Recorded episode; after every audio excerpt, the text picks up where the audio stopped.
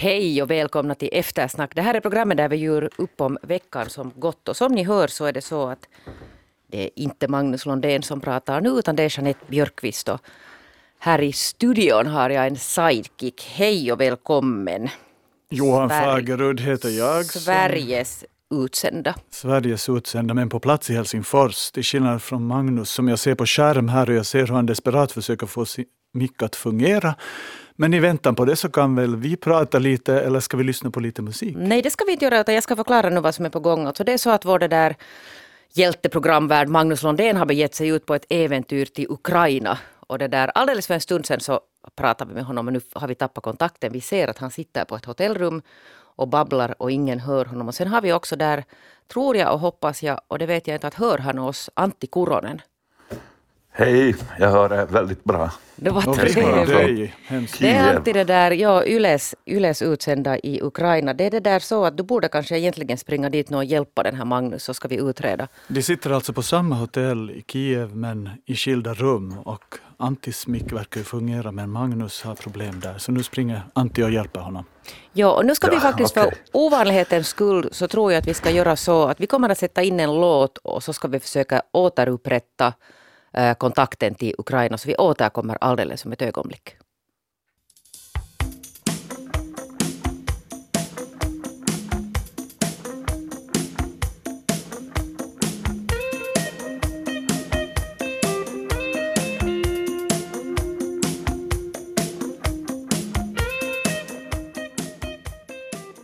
Hej och välkomna till Eftersnack. Vi börjar undantagsvis sådär en andra gång. Klockan 15.08 jag heter Magnus Lundén, programmet så Eftersnack. Och jag vet inte vad ni har gjort här de senaste åtta minuterna, men jag har haft lite heartbeat problem med, med snabbt hjärtslag. Jeanette Björkqvist, välkommen med till No, Eftersnack. tack, jag har, vi, har, vi har en intraus här alltså. Medan Ah, du höll okej, på så så, så, så vi har en intra. Här är Jeanette Björkqvist, här är Johan Fagerud, här är Antti Kuronen. Och nu du också. Hej Magnus. Bra, eh, Välkommen med hej, Magnus. skulle- Välkommen med till. Eftersnack. Det här är programmet där vi gör upp om veckan som gått. Och jag skulle för historieskrivningens skull vilja säga att jag har inte såsa. Men att det är nu, vi skyller på en dålig maskin här som jag har bredvid mig. Okej, men vi kör. Vi är alltså live i Kiev, Kiev och det där, uh, Antti Kuronen är också här som ni redan vet. Och eh, ja, här finns mycket att diskutera och jag tänkte att vi skulle gå rakt på sak. Eh, Du vill inte börja med att förklara vad du gör där? Ja, just det. Ja, men det var ju det jag tänkte faktiskt berätta nu. Jag är här för att jag... Egentligen för att jag helt enkelt blev trött på att jag har ju som många andra sedan februari suttit fastklistrad i olika nyhetsmedier och Twitter och blivit mer eller mindre beroende på ett dåligt sätt av det här kriget och vilja förstå vad som händer. Men jag har märkt sen att efter en tid att, jag, att det är någonting med att bara sitta och uppdatera och, och ha det som godnattsaga, att det räckte inte, eller liksom det blev på något sätt så tomt så jag måste göra no någonting konkret, det vill säga för mig själv och liksom se, försöka se med egna ögon vad här egentligen händer. Och det är förstås inte så lätt gjort på, var jag här, en knapp vecka eller sex dagar, men det är ändå bättre än ingenting. Och det är helt enkelt av nyfikenhet som jag ville fara hit. Och ehm, det finns ju mycket som man har sett redan och mycket kommer man att se, men Antti Kuronen har varit här i fyra månader det här året. Stämmer det Antti? Det här året? Eh, det stämmer, jag har säkert varit mer än fyra månader. Jag har inte, eh, inte riktigt räknat ihop, men, men eh, eh, det här har nog varit mitt andra hem det här året. Det kan man lugnt säga. Nå, hurdan blir man om man är fyra månader här? Du har ju varit mycket vid, liksom nära fronten och så här. Du har inte bara varit suttit på... Du har väl varit väldigt lite här i huvudstaden? No, ja, jag, har inte, jag var här i Kiev var jag liksom faktiskt senast eh, någon gång förra våren. Och jag var här då i Kiev då när det började och sen då i, ska vi säga mars och uh, april kanske ännu. Men det, det var i början av april som eh, Ukraina slog liksom ryssarna här i Kiev-trakten och sen efter det har jag inte riktigt varit här. Och, och intressant att se liksom också att hur Kiev har liksom gått framåt och, och förändrats, liksom blivit normalare jämfört med vad det var då i, i mars. Jag är det nyfiken. Jag är bara nyfiken på hur var det att ta sig dit, Magnus, för dig nu? Inte du bara att hoppa på ett plan eller köra dit? Nej, var det komplicerat? Nej, inte alls. Eller, det vill säga jag tog buss och tåg landväg genom Baltikum och sen äh, uh, buss genom Polen och sen tog jag tåg från Lviv till Kiev. Uh, så att jag tycker att det gick väldigt smärtfritt. Det tog ju några dagar men att det var på det, ingenting konstigt hände förutom uh, när vi, man, det blev liksom de här bombanfallen på tisdag så då stannade tåget och, och uh, sen stod vi några timmar och det var helt mörkt hela tåget. Uh, så det var lite här kusligt Eh, men inte det är ju någonting jämfört med vad de får uppleva, de som bor här. Så, så att det, det, det var ganska lätt och man behöver ingen visum och jag skulle egentligen rekommendera, eller det kanske inte för mycket att säga men att det är nog intressant att vara här, att på det stället ska jag säga att det lönar sig. Men jag skulle, en sån här konkret eller två små anekdoter bara för att visa eh, i vilket, vad som händer här i samhället. Att när i Lviv, jag var där först alltså, en halv dag, och så skulle jag då, oj så märkte jag att oj, att tåget går ju strax, jag skulle till, vidare hit till Kiev. Och så fick jag bråttom att hoppa på en spårvagn. Och, det där, och sen äh, försökte jag betala med kort, för de har så här fina moderna automater i, i de här spårvagnarna, men det, det funkar inte. Det, liksom, det kom någon sån här röd, röd signal att det, det, det, här går inte igenom och jag försökte ett par gånger så tänkte jag nej, att inte det är någon, något problem, jag skulle bara åka några hållplatser. Nå, sen plötsligt märkte jag att efter några hållplatser att den här kvinnan som satt där bredvid var jag stod så att hon plötsligt stämplade sin biljett i en sån här gammaldags stämpelmaskin, så här som hål, hålstansare. Så att varför gjorde hon det nu just? Så tittade jag upp och så såg jag att där kommer ju biljettkontrollörer kommer plötsligt in i spårvagnen och, och då äh, blev jag då så att säga fast för att åka snålskjuts och trots att jag förklarade att hej, att come on, jag har försökt betala och de sa att ja, ja men det är inte, du kanske du har försökt men var är din biljett? Så jag, men jag har försökt, nej men var är din biljett? Och så är vi på och tjafsa mot varandra och sen slutade det då med att uh, jag blev lite småsur, vilket var ju helt löjligt, men att det blev i alla fall, och sen gick vi ut och så måste jag nu betala den här uh, boten och så sa jag att I'm just a stupid tourist. Och så sa han, nej, du är inte stupid. Det du har gjort, du har inte betalat din biljett. så var det bara att betala. Okej? Okay? Och, och det där, och efter började jag sen skratta och det här det var en ganska rolig incident. Och igår äh, var vi med Antti på en, en, en grej, en jotto här och sen äh, parkerade vi bilen, alltså det vill säga den här fixaren parkerade bilen och så gick vi bort och sen när vi äh, fick vi höra att den här bilen hade äh, dragits iväg den hade förflyttats för den var felparkerad. Och den, den stod där kanske en halvtimme eller så och så måste vi sen fara efter bilen ganska långt bort och där fanns ett väldigt effektivt system med bortförda bilar. Och, som jag var alltså alla felparkerade. Och min poäng med de här storyn är att, att det hade jag inte väntat mig, att ett samhälle som är så fungerande, att det finns biljettkontrollörer, det finns felparkerade bilar tas bort bums, alltså i hela centrum, de far omkring och, och flyttar dem hela tiden. Och jag skulle vilja fråga dig Antti, att är det här något som är liksom typiskt för Ukraina nu, eller vad beror det här på, Hur är det ens möjligt?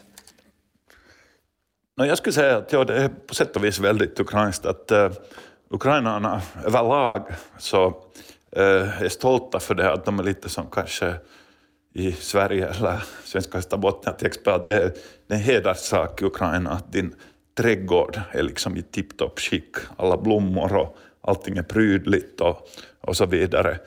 Och, och också här liksom under kriget så, eh, det som har varit liksom otroligt är att liksom sådana samhällsfunktioner, också där närmare äh, själva fronterna, så fungerar hela tiden. Och, och, det har varit en naturlig sak för alla här i Ukraina att, eh, att tågen ska fungera, el ska fungera, allt ska fungera.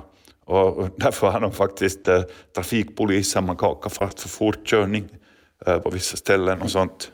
Och, så det, det är ganska typiskt och det, det måste jag säga, jag har ju sett, varit på väldigt, väldigt många ställen där ryssarna har beskjutit något hus eller någon eh, infrastruktur och så har elledningarna gått av, vattenledningen.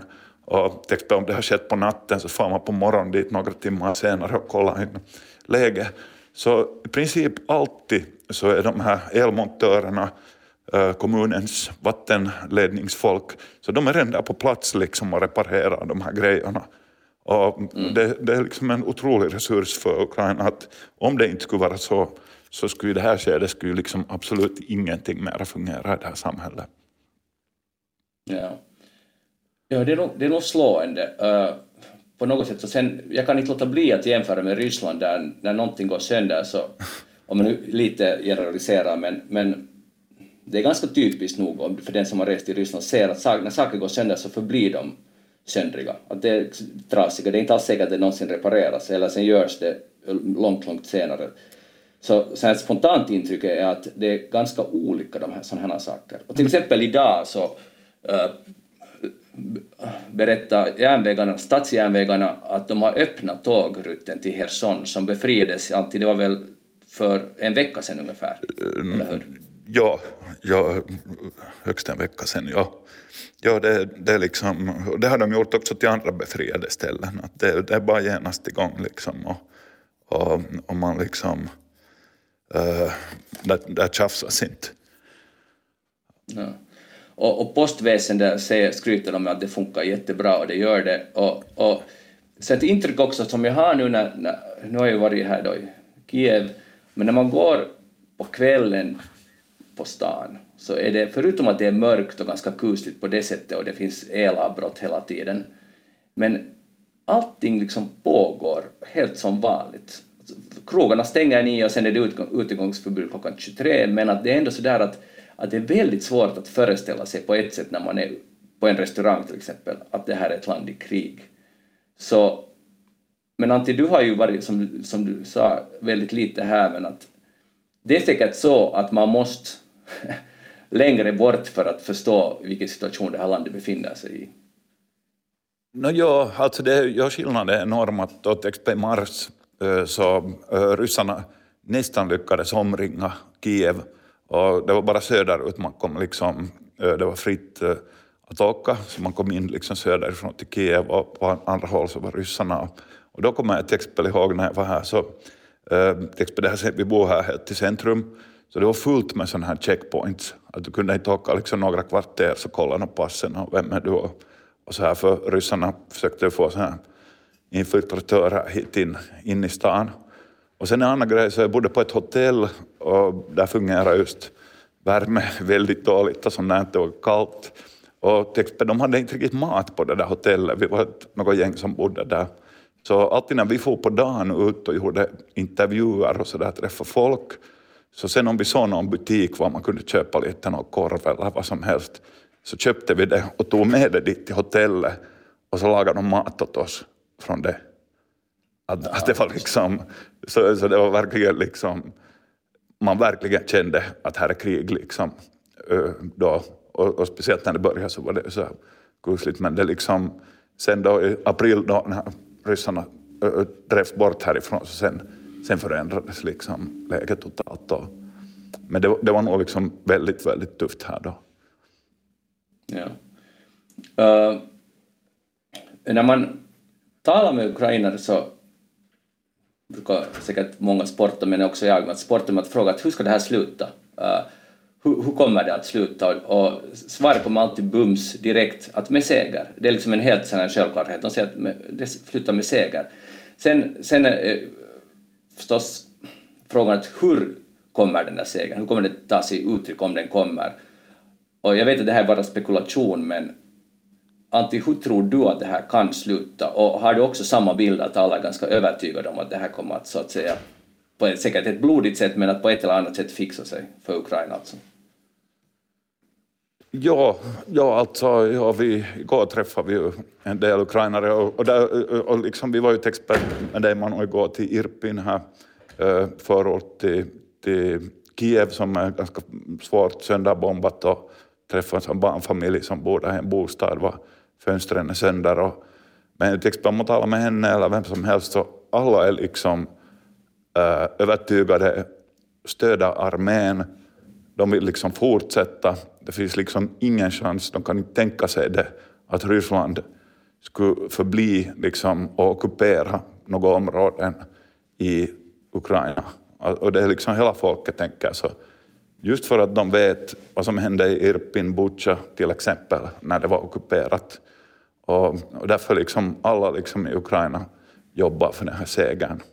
Och Ukrainas armé har ju också sagt att sin strategi att de målmedvetet nu steg för steg eh, frigör de här områdena. Och de har ju nu sedan april så de har ju frigjort redan över hälften av alla områden som ryssarna liksom ockuperar.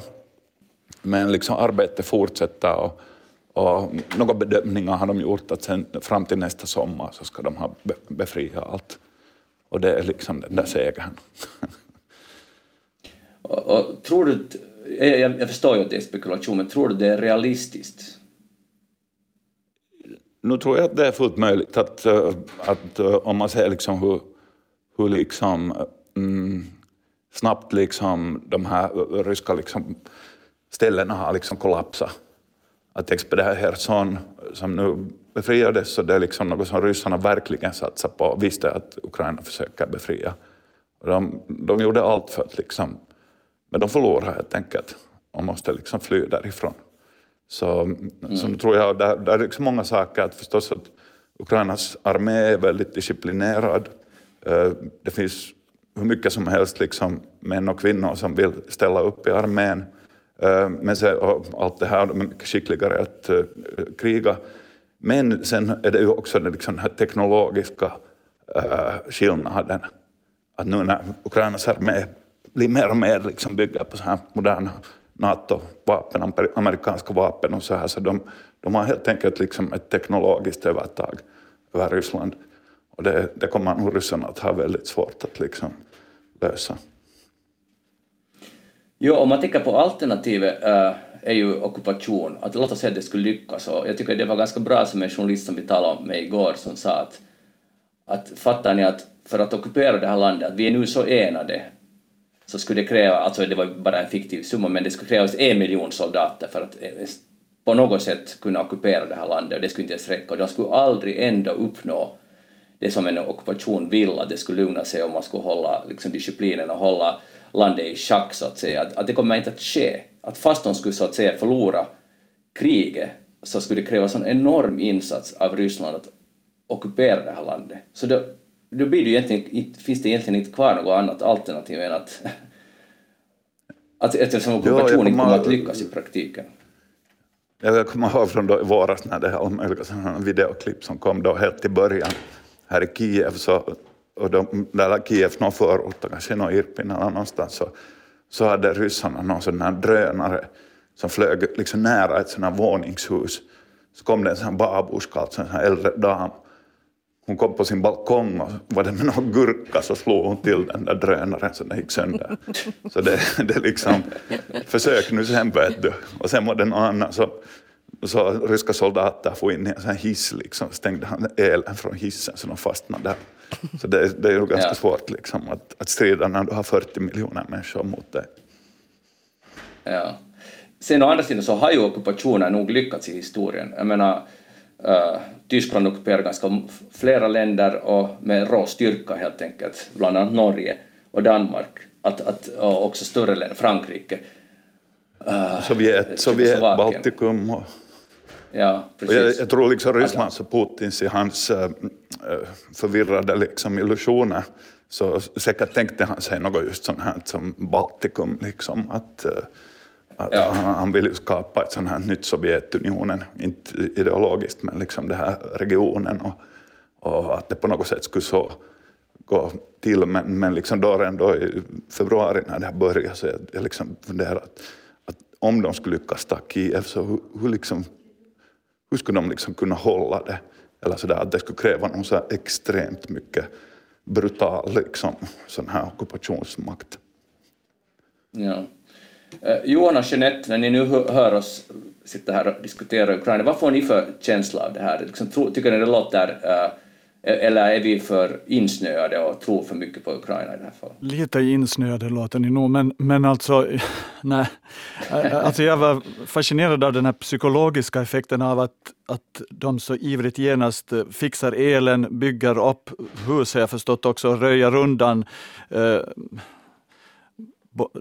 hus som har rasat på grund av bomber, för att på något sätt genast signalera inte bara åt fienden utan också åt, åt folk som bor där och som, så att stridsviljan ska vara stark för att de ser att vi, vi kuvas inte så lätt. Och det tror jag också är orsaken till att, att man vill att samhällsfunktionerna ska hållas in till det bittra Ja. slutet eller förhoppningsvis till den seger, till segern. Men att, att jag tror att det har en viktig psykologisk funktion. Absolut, jag tror du har jätterätt. Och, och, och när man ser det med egna ögon så är det otroligt inspirerande. Alltså, jag, jag, får, och jag menar, jag är inte ukrainare, men jag menar tänk så inspirerande liksom hur det måste bygga upp den här kollektiva styrkan att se det, att samhället, att vi fortsätter, vi sätter det här i skick och vi, vardagen fortsätter, allt ska fungera. Och, och det måste vara den styrkan man får av den där kollektiva kraften måste vara helt oanad. Och det är just det som Antti väl sa, att det hade nog inte Ryssland räknat med. Men ser här- ni ingen hopplöshet eller desperation eller rädsla? Jo. Ja, absolut. Eh, Som Antti sa när vi var igår i Irpin så nu är det ju hjärtkärande att se de här barnfamiljerna med barn med psykologiska problem för att de har legat i bombskydd, eller, eller inte, alltså inte i bombskydd utan i källaren under flera veckor. Eh, Och, och det är ju helt... Och de kan inte berätta om det här. Vi, vi träffade en man som kom haltande med sina kryckor som hade ännu en kula i benet, eh, kom gående där längs gatan och såg lite eller inte så hemskt lite heller, men väldigt ledsen ut. Att nu finns det ju otaliga, och Antti måste ju ha träffat otaliga, otaliga människor vars liv är totalt förstörda av det här. Så på det sättet finns det mycket, eller hur Antti? Ja, absolut. Otroliga eller hemska tragedier och äh, berört liksom Eh, miljoner människor som, som bor liksom speciellt där nära de här liksom krigsområdena. Och, och, men det där, och nu är liksom eh, många områden, så, också i Irpin, så, så eh, en massa hus är förstörda, värmen fungerar inte. Man är liksom Människor är verkligen bekymrade att hur, hur ska vi klara den här vintern. Här är ju Nutex på de här dagarna så det är ju minusgrader ute. Att det, det är liksom kallt. Så, så sånt finns det mycket. Men någon slags, eh, uh, jag tror vi talade också om det igår med dig Manu, att, att det där, att jag kan inte liksom minnas att någon ukrainare skulle ha liksom sagt åt mig under de här alla liksom, över fyra månaderna, och jag har varit överallt här under kriget, att de skulle ha sagt att att gör vad som helst nu Ukraina, gå med på vad som helst, bara vi får det här att sluta en liten stund. Alltså någon sån här vapenstillestånd. Att det finns inte en sån liksom desperation eller sån liksom, att man skulle liksom ha gett upp och är liksom på det sättet ledsna. Men att, att, att, och det, det tycker jag liksom är viktigt att förstå. Ja. Och, och där kommer man in på den här, en viktig poäng att, att en eventuell väg till bestående fred, så det måste ju vara Ukraina som bestämmer att nu, nu klarar vi inte det här längre, att vi måste försöka hitta en förhandlingslösning. Men tills dess så tycker jag att det är nästan patetiskt äh, när olika människor från väst eller från utanför Ukraina börjar säga att nu skulle det nog vara bra med, med fred, att det är så att det här går inte längre, utan det måste ju vara folket här själva. Så länge, och den politiska ledningen och militären har folkets stöd, så att så länge de har det så Jo. säger jag inte att man, man ska ens börja tala om att försöka förhandla med, med Putin. För att Nej men det är ju det att hur skulle, alla- den, ja, hur skulle den lösningen ens se ut? Jag menar, Ja. vad förhandlar man med en sån? Ja. Ja, jag skulle vilja, om jag får komma in där, så, så det här ordet, du använder liksom ordet fred, och jag tycker att man använder det här ordet fred lite fel. Att, eh, att, att okej, man kan tala om något vapenstillestånd, som är då ett avtal, liksom att okej, nu strider vi inte för en tid, och, och liksom fryser läget, men inte det är liksom någon slags fred. Fred är liksom att det inte finns hot om krig. I ett vapenstillestånd så har du ändå den där frontlinjen och, och sen liksom så här. Och det är ju liksom de här som nu säger att man borde förhandla, så de, de liksom vill ha liksom ett vapenstillestånd. Men det, det vet ukrainarna väldigt bra att det inte kommer att bli ett slut på det här kriget. Utan det leder bara till det att eh, Ryssland liksom eh, rustar upp och anfaller ännu hårdare sen om en tid. Och så här gick det ju, liksom det här kriget i östra Ukraina som började 2014 och då på hösten sen så gjorde man så här Minsk-avtal där var liksom Tyskland och Frankrike var så garantörer och det var ett här vapenstilleståndsavtal och så uppstod en sån här frontlinje. Nå, vad hände? Ryssland fortsatte att strida alla de här åren, så där smått där i östra Ukraina. Och när de inte uppnådde sina mål så gjorde de ett större, ännu större anfall till Ukraina. Och därför är just det här ukrainarnas enda mål att de måste få ut eh, ryssarna från Ukrainas område och så gör de ett så starkt försvar som Finland har till exempel. att Ryssland inte försöker anfalla på nytt. Och det är liksom fred, för det är liksom en mer så bestående lösning. Ja. Vi får, vad ska jag säga, hoppas på att det, det där skulle lyckas ut, utan att det blir alltför stort blodbad här. Att Ryssland skulle inse att nu det, att de måste ret, retirera härifrån. Men det, det knepiga kommer ju att bli Krim, eftersom Ukrainas uh, har börjat inse att det kanske till och med finns någon sorts realism att ta Krim tillbaka. Och då, det skulle betyda att vi kan inte ha en Putin kan inte vara president och ge Krim tillbaka. Det är en omöjlig tanke. Så vi talar om väldigt stora frågor. Ja. Säkert, och där... jag tror nog att man här i Ukraina tänker att, att, det att Putin, så länge Putin är vid makten så, så finns det liksom ingen så att säga fred. Det kan finnas ett tillstånd där man inte strider, men det är liksom, han, han är nog så besatt av det här liksom, att kontrollera Ukraina att, att därför litar man inte på honom. Men jag tror att här i Ukraina så är man, man är nog väldigt, väldigt övertygad om att man måste och vill ta Krim tillbaka. Uh, jag tänker att för att Krim är Ukraina, men också sådär militärstrategiskt, så då, då skulle liksom Ryssland bli mycket svagare i hela eh, Svarta havsområdet om de skulle förlora Krim. Ja. Så det är definitivt något ukrainarna kommer att försöka. Så är det. Vi träffade igår en amerikansk legosoldat uh, här i baren. Och det var nog också ganska intressant liksom att den där världen är jag inte så hemskt bekant med, men män som strider för pengar helt enkelt. Men han hade ju en någon sorts ideologisk bakgrund, eller han sa att ja, det står ju i den amerikanska grundlagen att man är född fri och det här borde gälla också Ukraina, att han är här därför för att kämpa för friheten och han var nog väldigt bestämd i den här frågan. Uh, han hade ju varit i andra ställen också, men det här var på något sätt för honom väl det tydligaste. Var det inte så, eh, Antti, att det här var för honom det tydligaste, vad som är rätt och vad som är fel? Ja, ja det sa han, att det är liksom på det sättet att här, här är så, Eh, just att, att han kämpar för demokrati, frihet, liksom rättsstat mot tyranni. Att det, det är liksom så tydligt fall det här och, och han var liksom verkligen han var nog trovärdig och jag tror att han var verkligen en special forces typ liksom eh, soldat. Men han, han sa ju om det att, att när han hade varit i Irak, Syrien, Afghanistan, alla de här operationerna och, och där liksom hade varit svårare som jänkare för, för en stor del av befolkningen är ju liksom emot dig. En del stöder men en del är emot dig. Men här i Ukraina så stöder ju alla liksom det att det kommer också utländsk vapenhjälp hit och utländska soldater och sådär. Så, så, så jag, tror, jag tror att det var det han menade, liksom, att det är på det sättet äh, ja. var det en bra operation för honom. Nåja, men äh, skulle du Antti rekommendera, för min rekommendation att kom hit och titta med egna ögon, är, är det också din rekommendation att du tycker att man av trygghetsskäl inte borde komma hit? Uh. Jag kan svara nu istället för no, Antti. Utrikesministeriet har väldigt, väldigt klara uh, såna här rekommendationer att man absolut inte ska komma hit. Ja, och jag vet inte att är det så, nu liksom men, sån här, alltså vad är det, vad är det liksom man är ute efter då? Någon slags sån här krigsområdesturism. Ja. Så jag tror inte att det är liksom så jättesvårt. Jag associerar osökt till en pjäs faktiskt av Lara Ruohonen för några år sedan som hette Sotaturism turism. Och det, det, är liksom inte ett nytt fenomen. Det har funnits i krig. Så länge människor har krigat så har det också locka folk som är nyfikna på det. Jag tycker det låter lite eh, hemskt måste jag säga. Jag förstår. Förlåt, men får jag säga att Nej, jag, jag, jag kan avbryta för det blir onödig debatt. Jag menar inte någon krigsturism, att man ska få ligga i fronten och, och glorifiera ett krig där människor dödar varandra, utan jag talar om att tala med, träffa Ukraina. De finns, många av dem finns i Finland, så det kanske i och för sig räcker.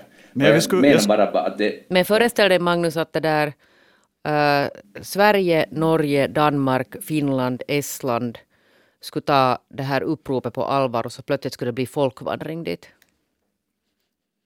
Men du vet ju själv att det kommer inte att ske. Jo, men de flesta människor är så pass smarta att de inte far Men så där alltså är teorin. Ja, men du förstår när du säger att du ja. rekommenderar att alla ska komma dit, så jag vet inte. Jag tror, Nej, att, det är okay, bäst att såna, jag tror att det är bäst att sådana som Antti ja. Kuronen nu sköter det här, som vet hur man rör sig där. Men jag skulle vilja ja. fråga Antti men, om... Och du, och du, Magnus, du är ju faktiskt här också som journalist. Mm. Att vi, var, vi har ju varit ute och intervjuer och annat. Så, jag, jag, håller med liksom tanken om det att jag det skulle vara fint att människor skulle se Ukraina och tala med ukrainare och allt det här, men, Men under krig så tror jag att man ska följa liksom finska myndigheternas rekommendationer.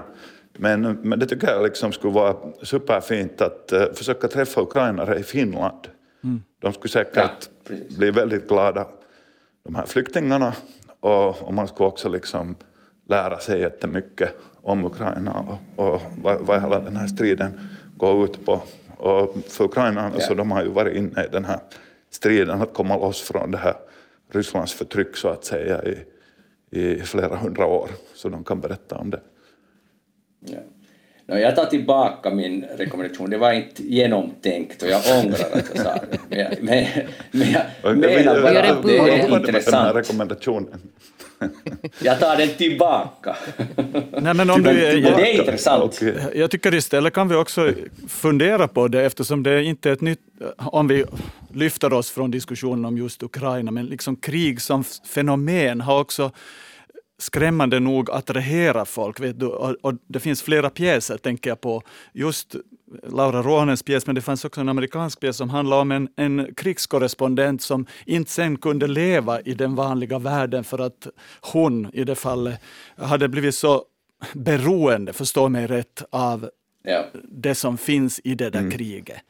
Och nu menar jag inte att någon av er är på det sättet, men alltså, vi behöver väl inte blunda för att det finns en attraktion i spänningen Förstå mig rätt. Jag, Men det vet säkert Antti som ja. har rört sig mycket mer än jag på de här. Ja. Alltså jag har rört mig lite på sådana här områden. Att det finns nog ett gäng till exempel fotografer som gärna åker alltså från krig till krig. Och sen att vad deras, vad deras liksom främsta drivkraft är, så det, det, kan man bara spekulera om. Men, jag skulle vilja Men de fråga, gör ändå alltså ett viktigt jobb. Om vi hinner ännu skulle jag gärna fråga Antti om det finns någonting i dig, någon hopplöshet i dig, att hur ska, hur ska du få oss, mig i Stockholm, att förstå hur det är där överhuvudtaget? Är det en frustration eller är det, har du hopp om att kunna um, ja, förmedla no, någonting av det? Så som du lyckas jo, nu? Alltså, nej, alltså, uh, jo, nej, jo, nej.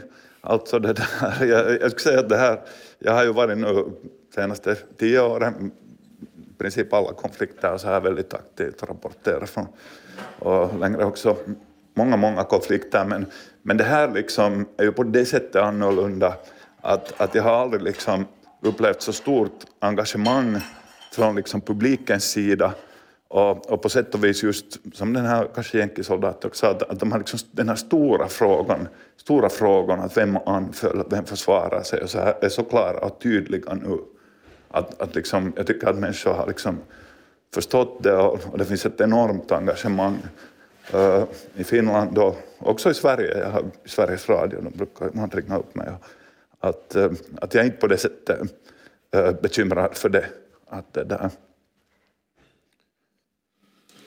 Okej, okay. uh, jag vill avsluta med den här diskussionen, alltså Ukraina-diskussionen. Vi säger tack till Antti, men bara med att säga att alltså det, så det nu ska bli tydligt att, uh, ordet insnöad nu användes här, men att, att när man ser det lilla jag ens har sett, och mer kommer jag att se, men det, och jag är säker på att Antti har samma åsikt, när man se, så ser man hur sjukt krig är.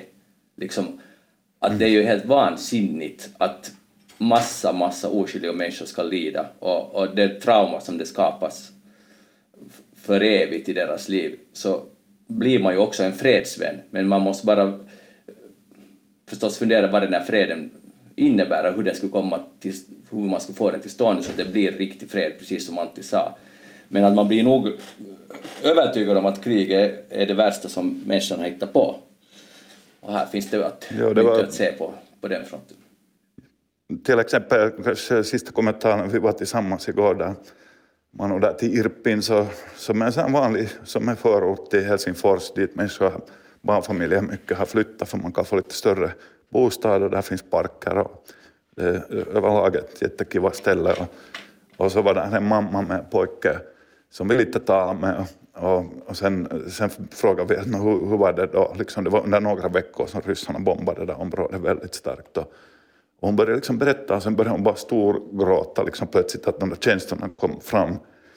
Och sen sa hon att hennes pojke som var där bredvid, att han, han har liksom länge varit så att han pratar inte ens, men nu har han lite börjat prata. Just trauma från de här bombningarna. Att eh, det, det är ju liksom krig. Och då talar vi om liksom att det skulle kunna vara Gäddvik i Esbo eller någonting motsvarande. Ja. Bra. Antti Koronen, jättestort tack att du ville vara med, hänga med i Eftersnack och ge, dela med dig av dina tankar kring det här och, och berätta ännu helt kort hur länge kommer det att bli, vara kvar nu, vet du alls när vi ser rapporter säkert typ ganska ofta på finska YLE, för det fortsätter väl under den närmaste tiden också? Uh, no, ja, jag, no, jag har ju varit här nu två veckor typ, så säkert åker jag nog här början av nästa vecka tillbaks. Men nu har jag, vilket jag ofta hör då, att jag har samlat in material för flera inslag, så säkert en del av dem kommer liksom här lite senare också. Och så där så. Ja. Så det där, men att uh, varje resa har haft någon, någon vändning och det vill jag säga att nu var ju liksom den verkligt stora vändningen var det här att Herson befriades och, och det var fint att vara, jag var där då liksom sen när det befriades och, och se de här människorna och liksom den här otroliga lättnaden och glädjen när de liksom blev av med den här ockupationen. Bra Antti Kuronen, tack så Yes. mycket för att du var med. Bra, tack. Jeanette Hej då. Björk, nu, ja tack. Hej då. Eh, nu hoppar vi vidare från Ukraina. Jag skulle ju gärna snacka mera, men jag har lovat Jeanette att vi inte ska tala bara om Ukraina och det är nog säkert hälsosamt. Jeanette Björkqvist, vad har du tänkt på den här veckan? Det känns ju, allt, känns ju, allt känns ju meningslöst efter det här, men tack nu för att du slänger över det där.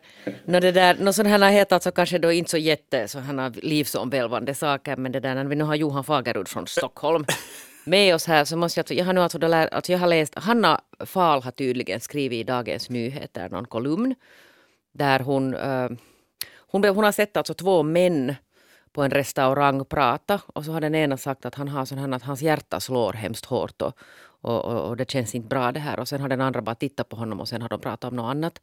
Och det här har hon betraktat och sen har hon skrivit en kolumn som egentligen alltså handlar om det att, att, att, det där, att varför kan inte män prata om känslor? Att skulle det här ha varit två kvinnor så skulle den här eh, kompisen alltså då som har, har lyssnat på det här skulle ha förstås alltså då hittat diagnosen och så skulle de ha gjort en sån här psykologisk analys och, och diskutera och vänt och vridit och liksom mycket känslor och, och, på- och på djupet liksom genast. Och sen, sen skrev hon alltså en kolumn om det här som sen då har upprört Eh, på Svenska Dagbladet eh, Ivar Arpi. Så nu har han skrivit alltså en motkolumn till den här Hanna Fahls eh, DN-kolumn. Och där alltså går han då på det här att, att vad är den här att, att sådana kvinnor som pådyvlar män den här, den här känslodebatten. Så det är sån här mansplaining ur kvinnoperspektiv.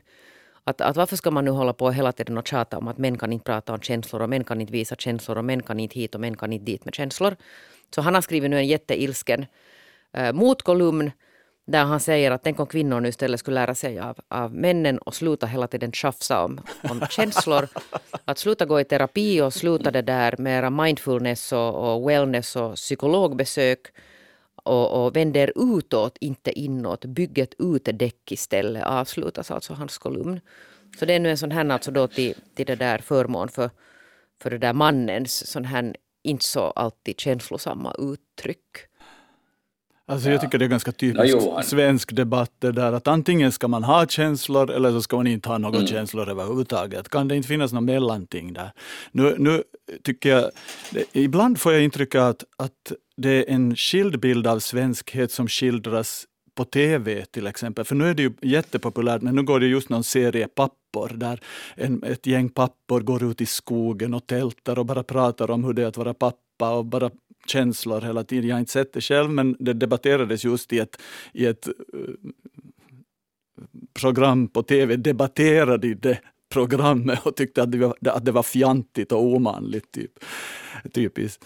Eh, Och också den här andra som väckte stor uppmärksamhet var ju faktiskt gjort av en, en finlandssvensk journalist von Wright gjorde hon ett program om pappor som pratar om känslor och har nå, någon slags eh, eh, grupp också. Att det alltid måste vara eh, ordnat i någon slags mansgrupp eller de går ut i, i skogen och tältar eller någonting. Men men det skriver den här Ivar Arpio, för han är jättearg. Han har träffat, alltså, han har varit på någon fest då själv och där har det varit en sån här psykologman som har velat på något sätt få med den här, de här männen på den här festen i någon slags sån här gruppsession. Och sen, sen det där när, när Ivar lite har bara skämtat bort det här så har den här psykologen blivit hemskt upprörd och sagt att varför har du inte kontakt med dina känslor?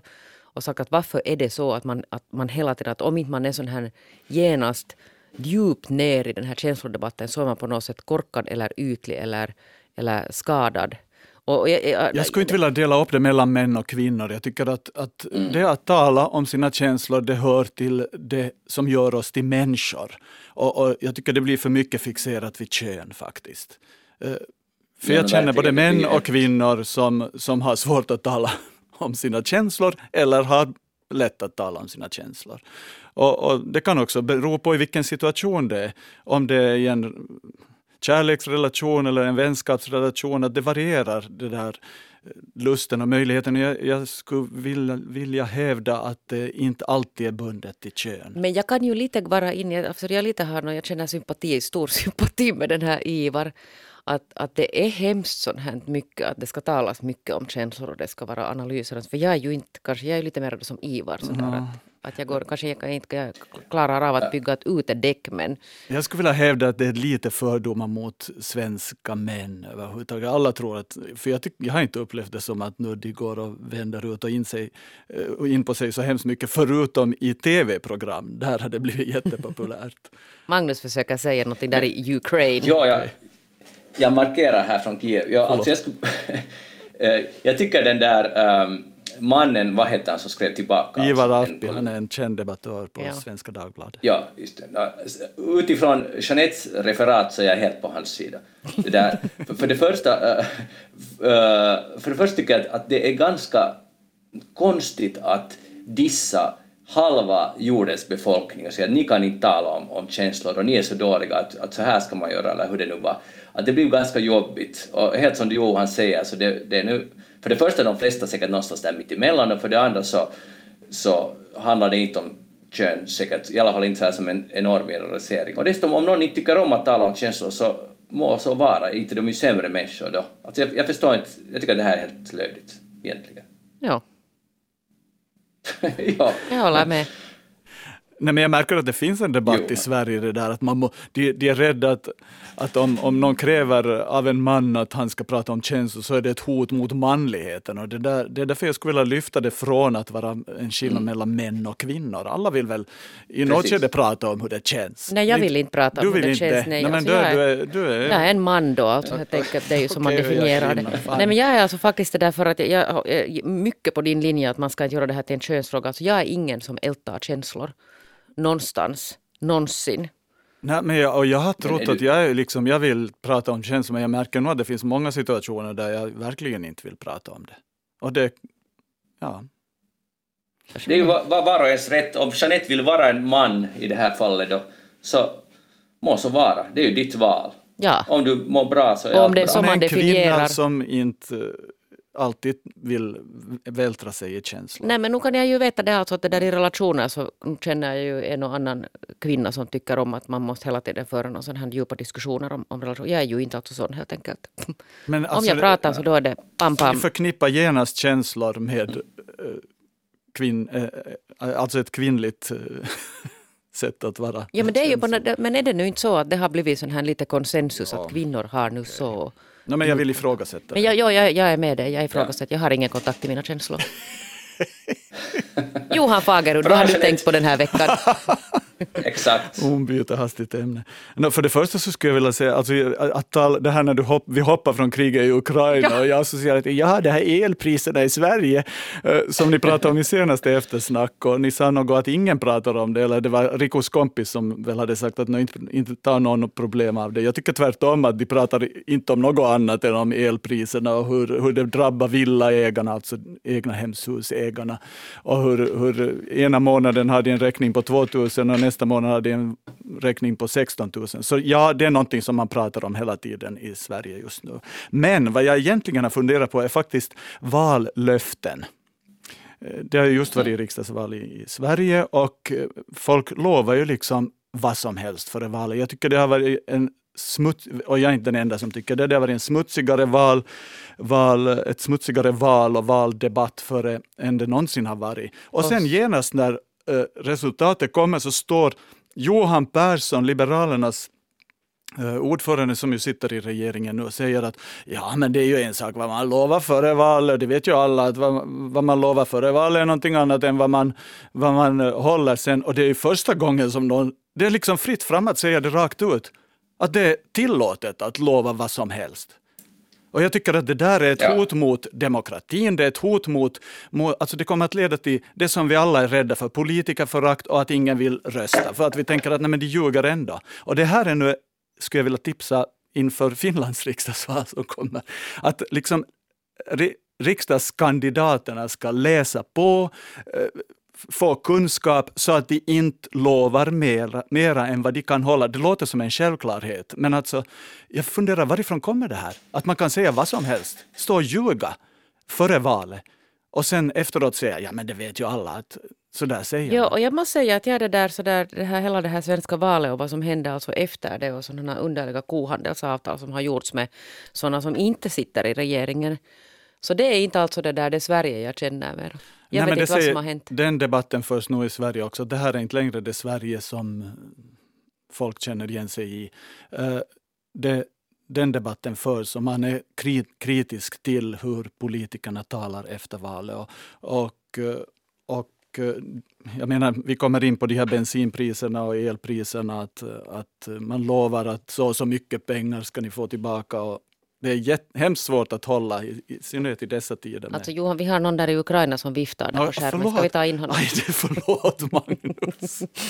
Vad vill du? Jag, jag ber på mina bara händer. Nej. äh, Nå, nu vet ni hur det känns att är vara i en studio i Stockholm och ni håller på här och jag försöker desperat komma Nå, med- Magnus, Nå, Magnus varsågod. varsågod.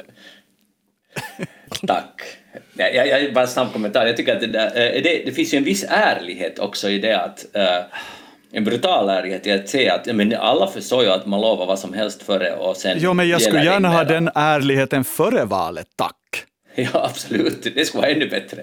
Eh, eller mycket bättre. Men tänk om det är Johansson, när du frågar att hur kan det här gå igenom och varför gör folk så här? Men tänk om det är så att, det enda, att vi vill bli lite förförda och, och lurade lätta lösningar. Nu fixar det sig om jag röstar på det här. Sen glömmer vi jättesnabbt att nåja, det, det gick nu inte riktigt så, att de fick nu inte igenom det och, sånt är det ibland. För det här kommer ju att upprepas gång på gång på Jo, gång. men jag skulle vilja hävda att det har blivit värre på grund av debatten före Brexit till exempel och debatten i USA, det sätt som Trump eh, debatterar på och att det var fritt fram att liksom spy ur sig direkta lögner och stå oemotsagd. Och för att kunna säga emot de lögnerna så behöver man vara påläst och det är därför jag vill uppmana alla som ställer upp i riksdagsvalet att läs på så att ni kan stå emot de lögner som Ja, kommer in- att komma i Och inte falla i de här fällorna att man på något sätt ger sig in i en sån här icke-debatt Äh. med någon som bara ljuger eller hittar på. Ja. Eller, det Ja. där, eller pratar en massa snömos. Och Brexit är ju ett superbra exempel som du tog upp Johan. Alltså, den baserades ju enbart på lögn och skräck och rädsla och, och lögn och lite till lögn igen. Och nu sitter de där och, och, är ganska missnöjda. Jo, jag får, alltså, jag får jättemycket kontakter av mina brittiska vänner som är helt sådär att, att, att vi har förlorat vårt land och, och det där och, och får vi flytta till Finland och, ja, nu vill de kanske Ja. inte flytta till Finland för de tycker inte så hemskt mycket om den här Putins bestyr Nej, heller. men hur är vi som människor så dumma att, att, vi, att vi går på det att vi serveras en lätt lösning och sen ah men det här måste vi rösta på. Allt blir bra bara vi går ut ur EU. Allt är EUs fel och det kan ju vara allt är invandrarnas fel eller allt är någon annans fel. Det här berömda sketchen allt är bögarnas fel. Så, så det finns alltid någonting och vi går på, också på det där. Ja, och det som jag tycker att det är Att- att det märkvärdigt att vi går på det, alltså i länder som Sverige, Finland, nå, Danmark, Norge, alltså utbildade, alltså bland de, liksom bland de högklassigaste länderna i världen. Till exempel med, med utbildning. Nu vet jag att svenska skolorna har haft lite kriser och det har ju den här finska skolan också. Men, men i princip är vi ändå civiliserade välfärdssamhällen där, där alla har kunnat gå alltså någon form av jämlik utbildning och fortfarande också här. Så min uppmaning Ja. till, eh, är inte bara till riksdagskandidater utan det, också till oss väljare att Det finns inga lätta lösningar. Ja. Hej, eh, vi hoppar vidare. Det där, eh, Twitter har ju kaos och det där, jag ville bara fråga er en sak att om er chef, om ni, eh, om ni skulle ha en chef, vilken ni kanske har, Jeanette har ni i alla fall Jag har många chef chefer. Ja. Eh, Johan, du har säkert också Många chefer. chef. Ja. Vi har många Nåja, chefer. Er chef skulle säga åt er att nu får ni bara jobba vidare om ni är redo att gå extreme hardcore inför ert jobb. Extremt hardcore. Uh, skulle ni säga upp er eller skulle ni fortsätta och gå, sätta i en ytterligare hög växel? Alltså, jag har varit i den situationen där um, en teater har haft ekonomiska problem och, och, vi har fått uppmanats att jobba extra hårt nu och kanske spara vår semesterpeng. Men då har målet varit hemskt tydligt att vi ska göra jättebra mm. teater tillsammans. Om det är målet, så då kan man kompromissa en tid. Men om, om målet är vagt eller dumt, så då är jag inte beredd att göra det. För det här är Elon Musks hälsning till de som, att om man inte är redo att gå in extremt hardcore så är det bara att sticka. Och jag tycker, på tal om ärlighet, tycker jag på ett sätt det är ganska ärligt och jag skulle antagligen bli lite misstänksam uh, för just som du säger Johan, man vet inte vad är slutmålet, man vet bara att nu ska det bli hardcore. Det är den enda, enda informationen man har fått. Så Jeanette, men Jeanette, du är kanske skulle ställa upp på det här? Det där, jag vet inte riktigt, det, där, det kan hända att jag inte skulle för att jag går så hardcore på att jag vet inte att, att vad skulle nästa växel vara. ja, alltså extrem hardcore är nästa ja, men det, alltså det är redan sån här på den här extrema växeln. Okej, okay. bra. Uh, mycket positivt. Hej, fotbolls-VM börjar ju nu, uh, typ, är det nu på söndag? Och nu är det ju jätte, jättestor skandal och nu talar vi inte om att, att de vidriga förhållandena för de som jobbar där, utan nu att ölen dras in. Man kommer inte att, antagligen inte att få dricka öl inne i stadion. Och nu undrar jag om Fifa kommer att klara den här smällen, för att Budweiser som är sponsor blir arga och det är ju Qatar som har sagt att nu är det sannolikt på det här sättet. I allra sista stund har det här budet kommit. Har ni någon kommentar till hur ska de här fotbollsfansen nu klara sig? vet du, av alla saker kring den här VM så vet jag inte om det här är just det som jag orkar bli hemskt upprörd över nu. Och vad hade de väntat Nej. sig? Om de sätter... Äh, de hade blivit lovade att det, finns bische inne i stadion. Okej. Okay. Jag tycker det är större Men, skandal att, att Beckham har fått 200 miljoner för att göra reklam för det där landet. No, absolut är det en större skandal, och det är ganska många saker som är större skandal. Men, men min poäng är här att det är det här det kommer att snackas om uh, bland fansen, att tänk att det inte funkar. Och, och, och det, jag, nu redan så här i förväg vill jag bli indignerad över det här. Alltså, är du seriös?